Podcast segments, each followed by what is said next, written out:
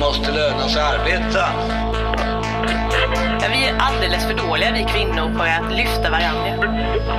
Tycker du att det är rättvist att du kan få rutbidrag för bartenders? Just nu tror jag att det är vi som är den starkaste den, av den svenska modellen. Avundsjukan i det socialdemokratiska idealsamhället är ju större än sexualdriften. Hörni, välkomna till Arbetsvärldens podd fredag den 9 februari 2018. Arbetsvärlden är TCOs webbtidning och vi vänder oss till alla som är intresserade av arbetsmarknadsfrågor. I den här podden så pratar vi om aktuella ämnen på arbetsmarknaden och samhället i stort och fördjupar oss i det som vi tycker är extra intressant. Man kan lyssna som vanlig podd eller så kan man se oss live på Facebook. Varannan fredag 15.15 sänder vi. Det är kanske någon som gör nu. Uh, hörni, vi som är med i programmet, vilka är vi? Jo, det är Britta Lejon, ordförande Yes. ST. Uh, statstjänstemännens fackförening som har nära 100 000 medlemmar. Mm. Jag suckar lite över att du nämner vårt förra namn, inte det vi har nu. Men eh, du Ja, sa vårt ja. nuvarande namn också. Så det... Ni heter Vi bara är inne i en ST. namnprocess. Ja, man får bara säga ST. Fackförbundet ST, ja. Och sen så uh, har vi Samuel Engblom, samhällspolitisk chef på TCO. Det stämmer. Vars 14 medlemsförbund har nära 1,4 miljoner medlemmar. Ja, 1 392 000. Mm, nära. Eller som vi 418. tycker om att säga nu i valtider, var fjärde väljare är Nej. TCO. Var fjärde röstande. För Ja, att det. det där bygger också på att de inte bara är många utan de har också högre röstbenägenhet än Okej, andra. okej, okej. Så det var fjärde röstande. Det där är jättenoga. Ja, den var inte jag med på. Nej, Mm. faktiskt Annars inte jag funkar inte matematiken. som... Ja, Det är två olika saker. Ja, det, är, det är klart. Absolut. Eh, jo, vem är jag då? Mikael Fältman, chefredaktör på Arbetsvärlden, helt enkelt. Hörrni, idag ska vi prata om turordningsreglerna. Moderaternas Elisabeth Svantesson sa i måndags i en intervju i Dagens Industri att de bör ändras vid ett regeringsskifte. Vi ska prata lite om det och framförallt lite grann om varför den här frågan seglar upp just nu. Den är ju intressant för oss inom facket, men är den en valvinnare? Eh, föräldraförsäkringen ska vi nämna också. Allt fler ställer sig bakom en tredelning nu. Eh, idag så rapporterade vi att Unionen gör det till exempel. Och eh, hur viktig är egentligen föräldraförsäkringen för, lön, för att lönerna ska bli mer jämställda? Sen ska vi ha ett nytt inslag i podden också som är att vi ska prata lite om vår satirtext. Och sen ska vi förstås ha spaningar på slutet. Hörni, vi kör igång. Turordningsreglerna. Elisabeth Svantesson inledde ju veckan kan man säga med att eh, säga att de bör förändras med en alliansregering. Det är ju ingenting nytt. Eh, alla allianspartier har lite olika förslag på hur man ska ändra turordningsreglerna. KD och SD vill undanta fyra respektive fem personer från turordningsreglerna på alla företag.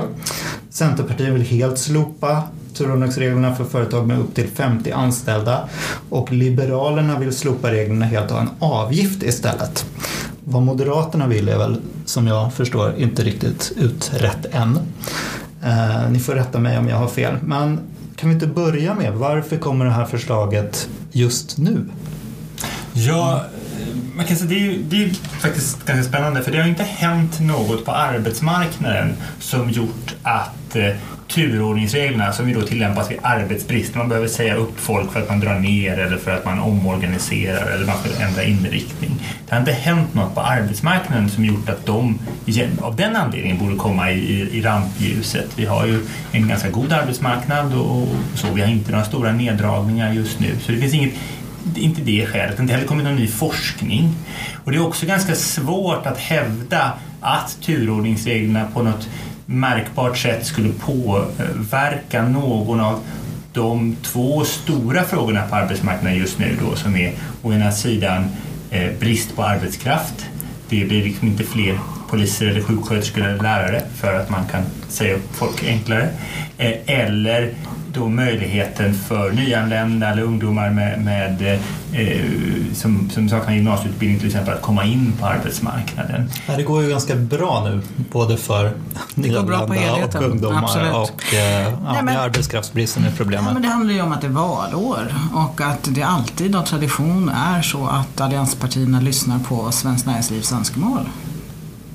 Alltså det här är ju en den klassiska maktfrågan. Det är ju bara så. Men varför gör man det? För det verkar inte direkt vara någon valvinnare så. Alltså, TCO har gjort en undersökning bland medlemmarna som kommer fram till att en majoritet ändå även av alliansväljarna är ju mer positivt inställda till turordningsreglerna än negativt. Så för väljarna är det ju ja, sak samma ungefär. Men för organisationen Svenskt Näringsliv skulle jag tro att det är en otroligt viktig fråga. Och varför blir det viktigt för allianspartierna?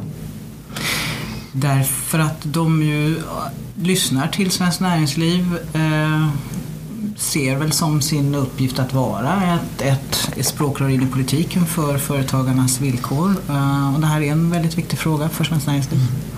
Jag vill säga, jag tror att Moderaternas ställningstagande också, att där finns det säkerligen ett element av att bryta med det gamla.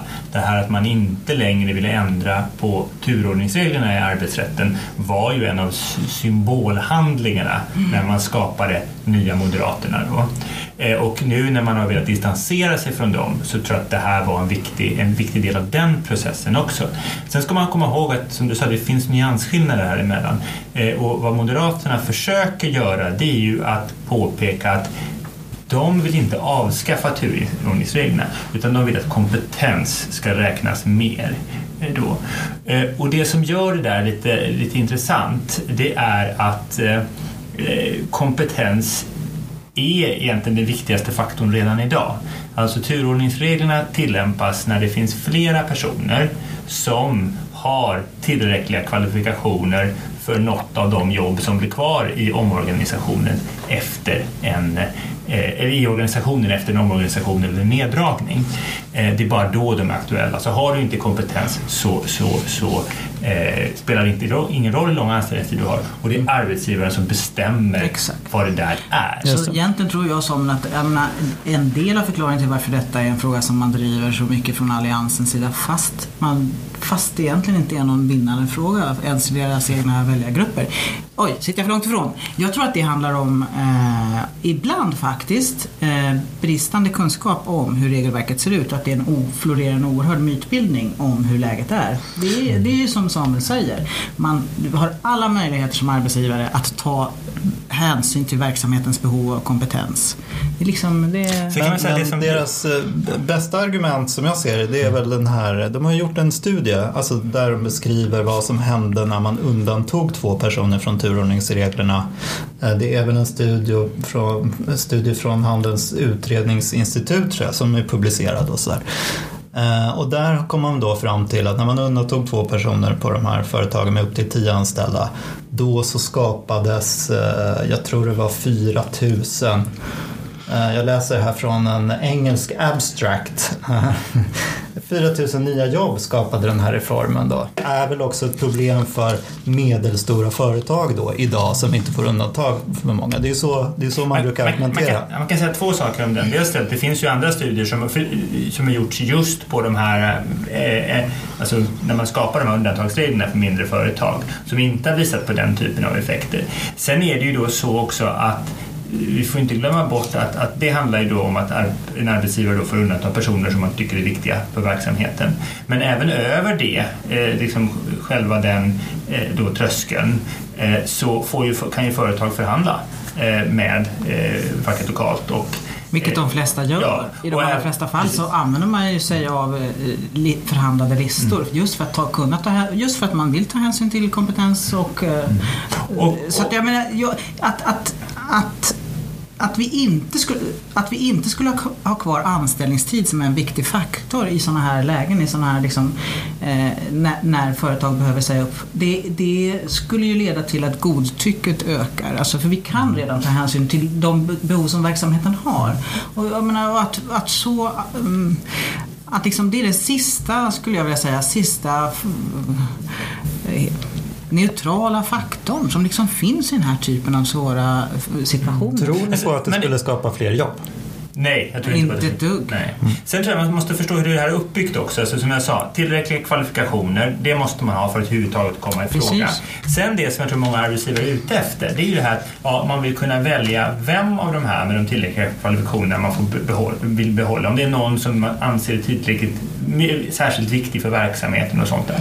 Och det är ju det som man då sen förhandlar om. Det är det som står inskrivet i till exempel omställningsavtalet mellan PTK och Svenskt Näringsliv att man ska göra eh, då. Eh, och när man, och som jag förstår, eh, inte bara Moderaterna utan, utan även Liberalerna. Eh, Jan Björklund gav en intervju i Arbetet igår eh, där han la ut texten lite mer om deras. Och då är det det där då man vill komma åt, att där skulle bli mer större möjlighet för arbetsgivarna. Men det skulle då innebära en ganska stor förskjutning av makt. För då blir det det här, men då får man Då blir det välja. Då behöver man inte för Och då kan det bli godtycke, precis. Det blir ju det. det. Jag menar, det finns redan idag de möjligheter som, som Mm. behövs och det är ju inte så att nuvarande regelverk hindrar arbetsgivare från att göra sig av med folk som de vill bli av med. Men så- så, utan det- det, lyckas de ju med. Utan vad vi behöver ha, det här är ju liksom den sista bastionen för att förhindra att att det blir totalt eh, godtyckligt. För jag, jag tror att skulle man åstadkomma det som nu ligger på bordet och som kanske kommer bli verklighet eh, enligt deras förslag då, då vem på arbetsplatsen kommer våga vara kritisk mot eh, ogenomtänkta eh, saker på jobbet eller kritisk mot ledningen? Vem kommer att våga liksom, berätta och slå larm om saker och ting? Nej, jag tror att vi kommer få, jag tror att det kommer vara förödande inte bara för anställningstryggheten hos folk, känslan av trygghet på jobbet, utan också för kreativiteten på arbetsplatser för att ha ett hälsosamt arbetsliv.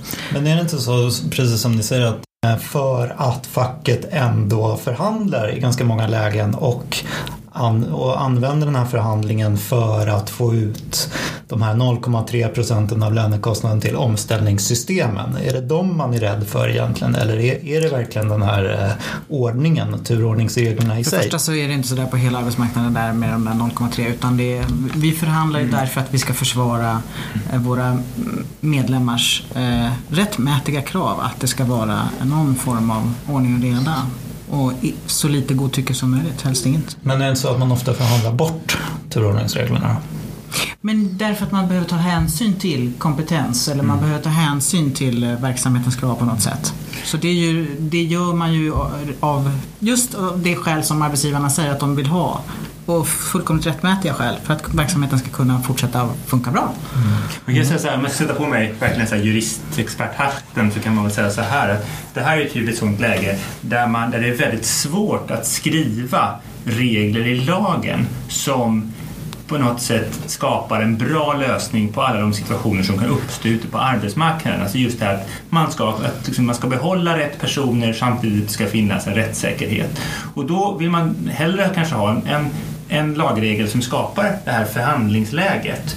Och då är ju eh, turordningen som då bygger på anställningstid, det vill säga en objektiv faktor. Det är en ganska bra regel att bygga förhandlingar på. Skulle man ha en mer subjektiv faktor, till exempel att vi i lagen då, som om jag förstår Moderaterna och till exempel Liberalerna rätt vad de kanske är ute efter, att man där skulle slå fast några, mer, några kriterier som mer handlar om, inte om tillräckliga kvalifikationer utan om vem som anses göra jobbet bäst. Ja, då skulle ju de bli mycket mer subjektiva, för det är en subjektiv bedömning och vi skulle få se mycket mer process processer, alltså fler sådana saker skulle hamna i domstol. Va? Så jag tror de ska, nog vara lite, de ska nog vara lite försiktiga med vad det är de önskar sig. Eh, Den, dagens situation är faktiskt ganska smart, tycker jag, så det är ur ett rent liksom, rättsregelbyggande perspektiv. Ja, och om vi jämför eh, situationen med andra länder så är det ju ändå så att eh, arbetsgivarna i Sverige har väldigt goda förutsättningar för att när de ska skära ner på verksamheter att kunna eh, göra det på ett kostnadseffektivt sätt i Sverige jämfört med andra länder. Det är billigt. Vi har ju till exempel inga lagstadgade avgångsvederlag, vilket du har i många länder. Eh, Och det har till och med varit en diskussion om att det är det för billigt i Japp. Sverige? Gör det att man lägger ner i Sverige? Så den här liksom, Och gör det kanske länder. också, om vi ska säga det mer positivt, att företag faktiskt ibland i en valsituation mellan Sverige och ett annat land väljer att investera i Sverige därför att man tycker att det finns en större flexibilitet och större, bättre förutsättningar för verksamheten. Hörrni, ser ni några trender till att eh, det finns ju två uppsägningsgrunder. Ett är arbetsbrist och ett är med personliga skäl. Att personliga skäl angrips eh, utifrån, alltså det var något seminarium på Ratio nu med Eva Uddén Sonnegård och Anders Borg där man, Anders Borg särskilt pratade om att eh, personliga skäl behövde förändras och behövdes luckras upp på grund av att produktiviteten då skulle öka. Finns det en sån, är det nästa, nästa drive liksom mot eh, fackföreningsrörelsen, eller? Jag tror att en del av de här an, nästan anekdotiska bevisen som kommer upp eh, i samband med att man diskuterar turordningen handlar snarare om situationer som, där det är personliga skäl, att det skulle vara en uppsägning av personliga skäl. Men det är givetvis inte lika politiskt aptit- aptitligt att angripa. Så det borde vara lättare att säga upp folk som, som är sjuka ofta eller som, har, eh, som har, man ty- tycker att man har någon sorts samarbetsproblem med som man inte riktigt kan sätta fingret på. Så här. så det där sker nog en, en helt enkelt en sammanblandning av de där två. All right. Bra, vi går in på vår andra fråga då, föräldraförsäkringen. Eh, arbetsvärlden var ju stolta att ha nyheten idag att eh, Unionen föreslår en tredelad föräldraförsäkring. Och det har ju även den här utredningen, statliga utredningen kommit fram till att man borde tredela föräldraförsäkringen och eh, även Saco stödjer en sån utveckling och eh, LO har ju till och med tagit beslut om att man ska individualisera föräldraförsäkringen, att man står för det. Ehm, vad- är det bra eller dåligt med tredelad föräldraförsäkring och hur viktig är föräldraförsäkringen för jämställda löner? Det är väl jättebra med ett det är fantastiskt att vi har en föräldraförsäkring som är så pass generös. Det är bra därför att det ger barn en trygg start i livet. Det är bra för att det ger föräldrar en förutsättning att vara närvarande föräldrar. Det är också bra ur ett samhällsekonomiskt perspektiv för hela Sverige. Vi har inte riktigt samma stora bekymmer med en åldrande befolkning och har inte haft det heller som många andra jämförbara länder. Nu beror inte det enbart på föräldraförsäkringen, det beror på andra saker också. Till exempel en högkvalitativ eh, barnomsorg. Men, men ändå, den är grundläggande för eh, vårat jäm, alltså ett jämställt eh, välfärds-Sverige. Så att jag vill börja i den änden. Eh, innan man sen också säger att även sådana fantastiska eh, sociala uppfinningar och konstruktioner som eh, den svenska föräldraförsäkringen kan leda till oönskade konsekvenser. Och vi ser ju det att som, som den har använts när, i och med att eh, samhället inte är jämställt så har ju kvinnor i högre utsträckning använt den mycket mer än män. Eh, och eh, det har ju fått till konsekvenser, eh, helt övertygad om det, att det leder till att kvinnor halkar efter i löneutveckling och karriärutveckling. Vi ser ju det när, när man börjar sitt yrkesverksamma liv. En tjej och en kille med samma utbildning så har man, startar man på ungefär samma löneläge. Men sen så fort de första barnen kommer så sackar tjejerna efter. Och det är klart att det har att göra med att tjejer är borta mer från jobbet och från arbetsmarknaden generellt. Det påverkar inte bara lön, karriär, det påverkar också pensionen som man sen får. Så att det är klart att det, det här det är inte den enda orsaken men det är en, en bidragande faktor som inte går att förbise. Är det den viktigaste orsaken till ojämställda löner? Nej, det undrar jag. För vet du, även innan vi hade en föräldraförsäkring i Sverige så var det så att det gick att konstatera att i yrken som blev bekvinnlig, så där allt fler kvinnor trädde in i de yrkena så sjönk också medellönerna. Så att nej, så enkelt är det inte. Utan det handlar om attityder helt enkelt. Att kvinnors arbete historiskt har värderats lägre och fortfarande görs. Samuel, bra eller dåligt med tredelad föräldraförsäkring? Ja, vi har ju nu en, har ju en, en diskussion eh, inom TCO mellan förbunden vad vi ska ställa oss i de här frågorna och då, eh, den är inte riktigt klar än så vi kommer komma med lite saker här framöver tror jag. Eh, sen tror jag, precis som, som Britta säger så är ju föräldraförsäkringen viktig eh, och det handlar ju om att det som du beskriver också att är mycket av ojämställdheten i arbetslivet som grundläggs de där åren när man får barn de första åren efter. Och då är det klart, och då är föräldraförsäkringen då är ett av de instrument man har för att försöka påverka det där. För det är klart man vill ju ha en situation där brukar jag säga, som män som grupp och kvinnor som grupp upplevs som en lika stor risk av en arbetsgivare. Att man inte tänker att ensamstående kvinnor i en viss ålder som kommer få småbarn och ha småbarn, ja då kommer de vabba och de kommer vara föräldralediga och de kommer, ja, hur, och hur kommer det här bli? Va? Man ska tänka lika, samma sak om man försöker anställa en man i samma ålder. Därför att det går inte att undvika att anställa män och kvinnor som är mellan, mellan 25 och 45. Va? Eh, eh, så att, och dessutom så tror jag att, att man, man eh, kan vi få en, eh, en situation där, där, där män och kvinnor delar mer jämnt på det obetalda arbetet då är det någonting som i sin tur kan bidra till att dra ner en del av de här andra ojämlikheterna som, som följer med sen, till exempel att kvinnor jobbar mer deltid än, än män. Eh, eh, och då är det klart att just att ha varit hemma en längre sammanhängande period, det är ju en sån sak som att då är man den, den förälder som vet vad, var vantarna finns och vilken storlek som gäller. Man tar liksom ett annat ansvar. Jag har ju läst en IFAU-rapport där mm. det sägs då att tre fjärdedelar av den här ökningen i skillnad mellan män och kvinnor beror just på eh, barn och mm. föräldraförsäkringens verkningar. Och den, den här skillnaden ökar ju med 35 procent på 15 år ungefär tror jag att det står i den här rapporten. Så den är ju, eh, jag har fått uppfattningen att den är ganska avgörande ändå eh, för de ökande skillnaderna. Mm. Mm. Mm. Då fick du det, det, sagt. Ja, eller hur? Ja, men alltså, det är klart att den har jättestor betydelse. Men som jag sa, det är inte den enda faktorn. Men den har betydelse och därför så måste vi se till att vi gör den mer jämställd. Sen tror jag att man skulle, vara, man skulle önska att någon kom med något helt nytt. Därför att många av de här jämställdhetsfrågorna som, som de till exempel föräldraförsäkringen, då har alla en bestämd uppfattning redan. Och jag tror att skulle någon kunna komma, jag skulle vilja ha det här helt nya jämställdhetsförslaget som ingen har tänkt på. För jag tror att ett sånt skulle kunna ha stor framgång, just att folk inte är så låsta kring det.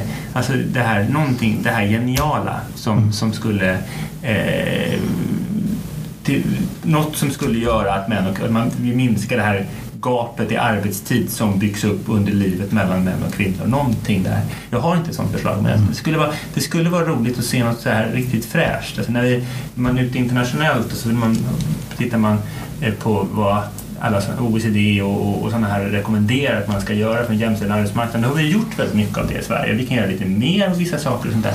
Men det skulle vara liksom, ah, näst, vad är nästa generations jämställdhetspolitik på arbetsmarknaden?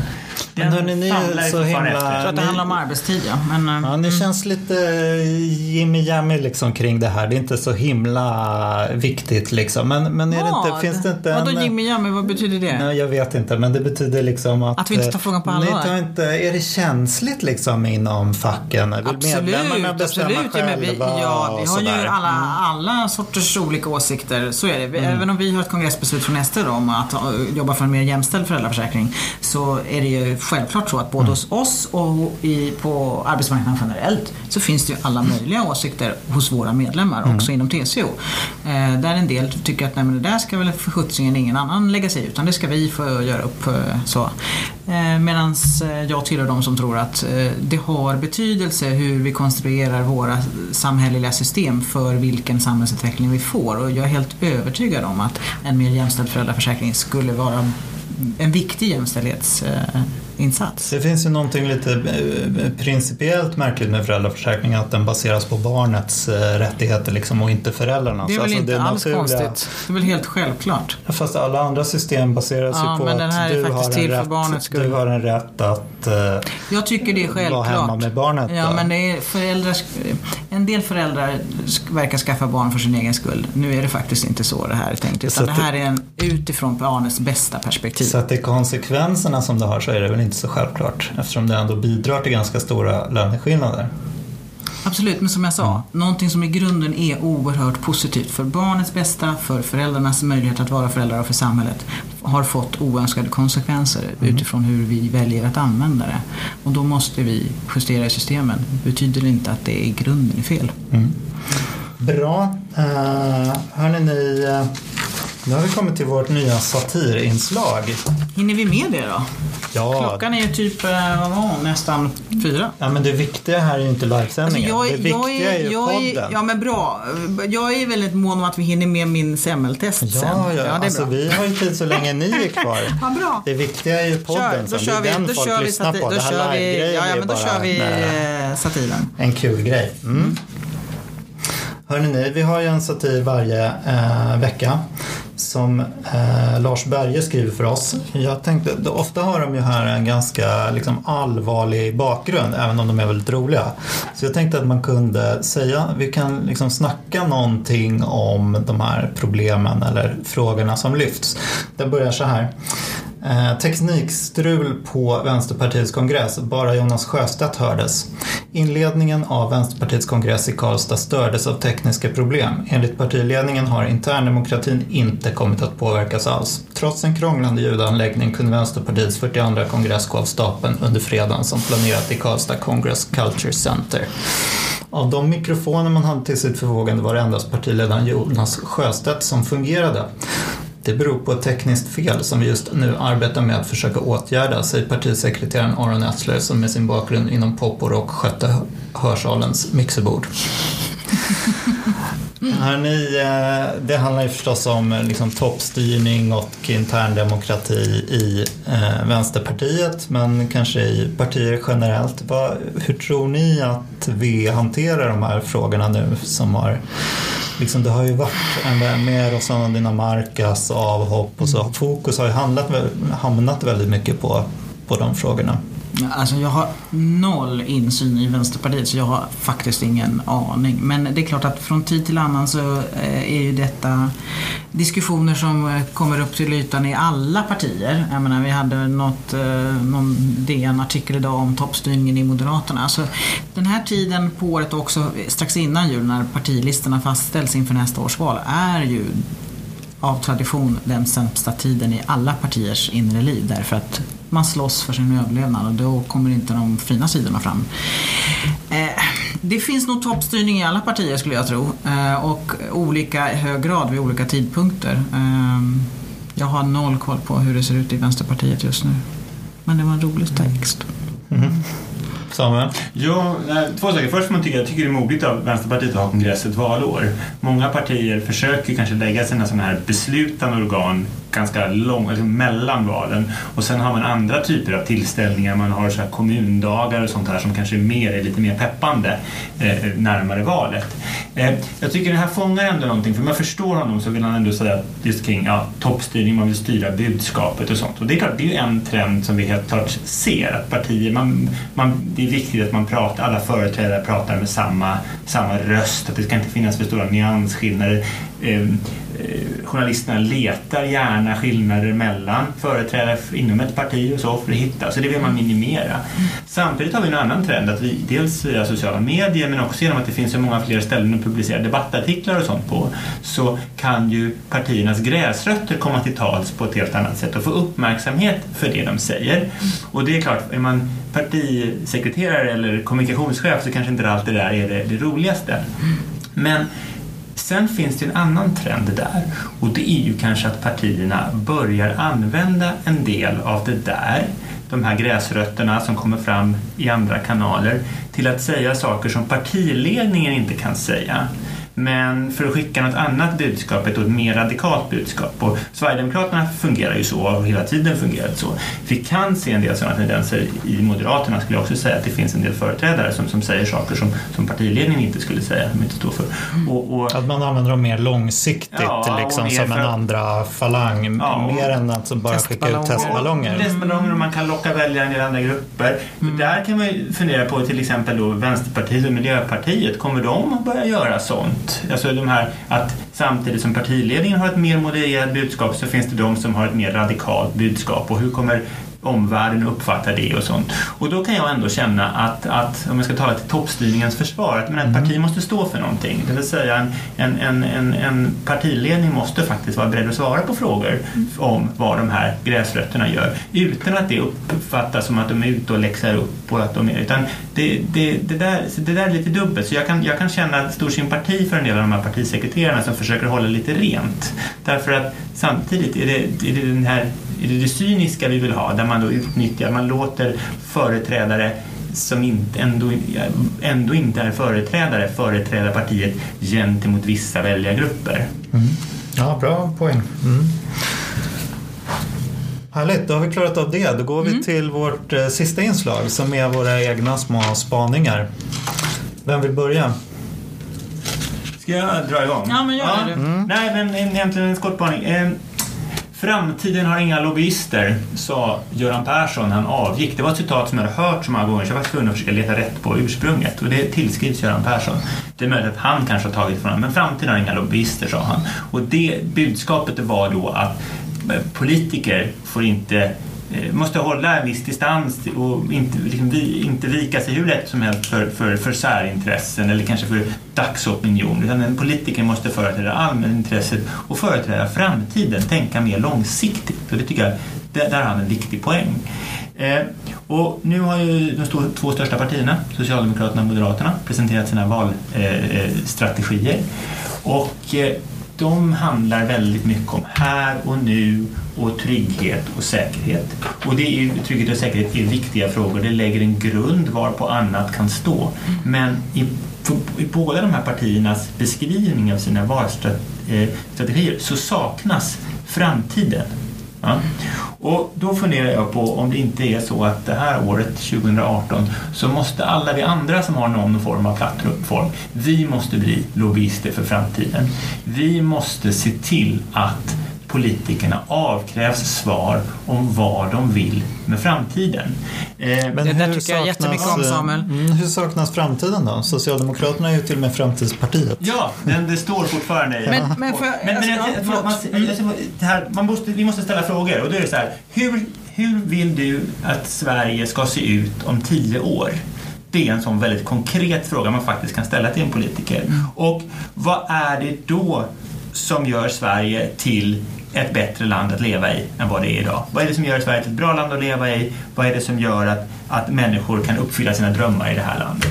Och det är inte så att väljarna inte gillar den typen av budskap. Vi har ju mätt TCO-förbundets medlemmar på korsen och tvärsen och när vi frågar dem vad de letar efter hos ett parti då är det, det, man, de, det som flesta svarar, man får välja en, det är att man vill ha ett parti som, som har en politik för att utveckla Sverige positivt. Mm. Och det andra är att man vill ha, man vill ha ett parti som kan ge alla människor lika möjligheter att lyckas. Och det är ju framtid, men det mm. ser jag inte i de här men, jag, jag, tycker det, jag tycker jättemycket om ditt resonemang och den där, den där, det där citatet. Det är jättefint. Uh, jag, jag, tror att det bara är så enkelt att i tider av stora förändringar där gamla hjulspår, gamla kartor, gamla modeller för makt i både på ett globalt perspektiv men också kring liksom, den ekonomiska världsordningen. När väldigt mycket av det som vi är vana vid har fungerat på ett sätt inte längre fungerar på samma sätt.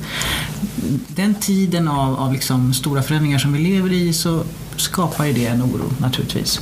Och då är det ännu viktigare att politiker klarar av att göra precis mm. det där du säger. Men det blir svårare. Och därför är det så skönt att faktiskt också konstatera att en del faktiskt tar sig an den där uppgiften med stor entusiasm. Nu tänker jag till exempel på Macron som liksom, så kan man tycka vad man vill om det han tycker, men han har ändå just det du efterlyser. Han har idéer, visioner, perspektiv som bär in i framtiden utifrån hans mm. perspektiv. Då. Eh, jag tänkte också, eh, jag såg eh, diskussionen igår om det var Aktuellt mellan Isabella Lövin och Jimmie Åkesson. Där jag tyckte att hon försökte säga just det som du efterlyser. Hon försökte, vi, vi har faktiskt ett ansvar som politiker att också försöka tänka på hur, hur vill vi på lång sikt att Sverige ska bli bättre eller att samhället ska bli bättre. Ja, så att det är helt mörkt är det inte, men jag håller med dig om att det, det, det du säger att alla har vi ett ansvar för att bidra till det där och inte, inte liksom fastna i nuet eller gårdagen. Mm. Det känns ju som att alla vill ju eh, vara som Macron, men det är Miljöpartiet som plockar upp manteln tydligast då. Det får vi se. Ni är många partier kvar. Ja, det är långt kvar till valet. Mm. Vi får se. Men jag, jag, ska försöka... Jag ska försöka eh, nej, men nu för... måste någon annan få någon spaning, eller? Ja, men jag skulle säga att den, den, den, min slutpoäng var att vi har ett seminarium på TSO här på ah. måndag. Ja, det var puffa för det. Ja, bra, Samuel. Precis, vi har ett seminarium som handlar om EU med Ann Linde och Annie Lööf och Eva Nordmark och Henrik Brors. Och då ska jag vara moderator. Det bra. Och då har jag faktiskt skickat som första fråga till Ann Linde och, och eh, Annie Lööf vad, alltså, hur vill ni att, att, att, att EU ska se ut? I framtiden och hur skiljer det sig från det EU vill ha idag? Så måla upp det här, vart är det vi ska ta vägen? Mm. Och sen kan vi, kommer vi grotta ner oss i EUs långtidsbudget och andra saker. Men, men Jättebra. den där, mm. inte glömma den Nej, Härligt. Det kan man anmäla sig till på TCOs hemsida eller? Ja, frukostseminarium på måndag. Lite reklam här. Ja, man kan väl kosta på Absolut. Hörrni, jag läste en artikel av Johan Anderberg i Expressen som jag tyckte var rolig. Jag gillar ju sån här politisk psykologi och det här gick ut på ett experiment experiment då som, ja det bekräftar väl, eh, det var väl inget som man blev jätteförvånad över men det var ändå roliga experiment att man har eh, 158 har, amerikaner har till exempel fått föreställa sig att eh, då, det ligger ett krossat glas på golvet. Man kliver på skärvorna men man skadar sig inte. Eh, man upptäcker att man är osårbar. Hur förändras ens politiska syn eh, på saker och ting utifrån den här superegenskapen att vara osårbar? Och då visar det sig att eh, konservativa väljare blir ju mer liberala i sina åsikter om ja, gayäktenskap och såna, mer sådana galtanfrågor. De ekonomiska frågorna ändras inte så mycket men just de här galtanfrågorna blir man mer liberalt sinnad. Då. Och det verkar vara lite tvärtom. Alltså, upplever man eh, som liberal väljare stora hot, ja då blir man mer eh, konservativ i sitt tänkande. Liksom. Och eh, det, var, det är som sagt, det är ganska lätt att föreställa sig att det är så men det är roligt med de här psykologiska experimenten som verkligen verkar bekräfta de här eh, tendenserna. Och det, ja, det är väl den här gamla diskussionen liksom att det handlar om att beskriva verkligheten bäst. Går vi mot ett samhälle där brotten ökar och otryggheten ökar och så vidare, ja då kommer vi ju bli mer, söka mer konservativa lösningar på problem och det är väl, det är väl ganska, det spelar väl in i valrörelsen ganska tydligt att det är invandring och brott och straff som nu är fokus liksom och de lösningarna är ju mer ordning och reda då och den typen av liksom eh, mer repressiv politik. Mm. Mm. Håller ni, vad tänker ni? Ja men precis som du säger att det där är, det där är ju kanske inte nya grejer men det är nya sätt att visa gamla sanningar på och liksom göra dem tydliga. Eh, jag har ju alltid tänkt att det handlar också om erfarenheter, inte bara sätt att beskriva. Men i det här fallet så är det ju en beskrivning faktiskt. Man har inte låtit folk gå på glas och sen... Utan det, Nej, det är verkligen man har mentalt... Så det är, det är, på det sättet är det ju intressant. Mm. Mm. Att tanken kan förflytta berg. Mm. Just det. Han tar ju som exempel då att eh, eh, Trumps bana var på väg ner men sen kom terrorattackerna i Paris och eh, San Bernardino och då blev det mer aktuellt. Det känns ju som, alltså det är ju någonting som har det är ju terrorismens mål också att skapa skräck och att mm. få regeringar, de som verkligen kan förändra saker på riktigt, att gå i terrorismens fotspår liksom och skapa ännu mer mm. kaos utifrån det. Ja, det kändes som en klockren spaning. Mm, men det mm, finns säkert jättefin. många bra invändningar. Mm. Nej, men alla, alla valrörelser handlar ju större om verklighetsbilden. Sen har det ju ibland ofta handlat då i Sverige om vart är konjunkturen på väg? Va? Är den på väg att fortsätta uppåt eller, ska den, eller står det en krasch runt hörnet? Det var mycket sånt och nu har vi lite andra frågor.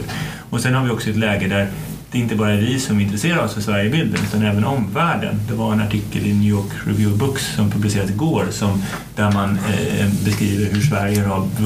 Vi, under den tid som vi hade liksom en så att säga, en pro, väldigt stark progressiv trend eh, eh, i, i, världen så lyfte Sverige, eh, delvis med vår egen hjälp, som ett föredöme. Och nu när den här progressiva trenden möts av ett motstånd, då är det Sverige gärna det skyltfönster man vill krossa. Sen så landar väl då den artikeln i att det, Sverige, det går inte att krossa det svenska skyltfönstret för att det, det, vi gör så mycket så rätt. Va?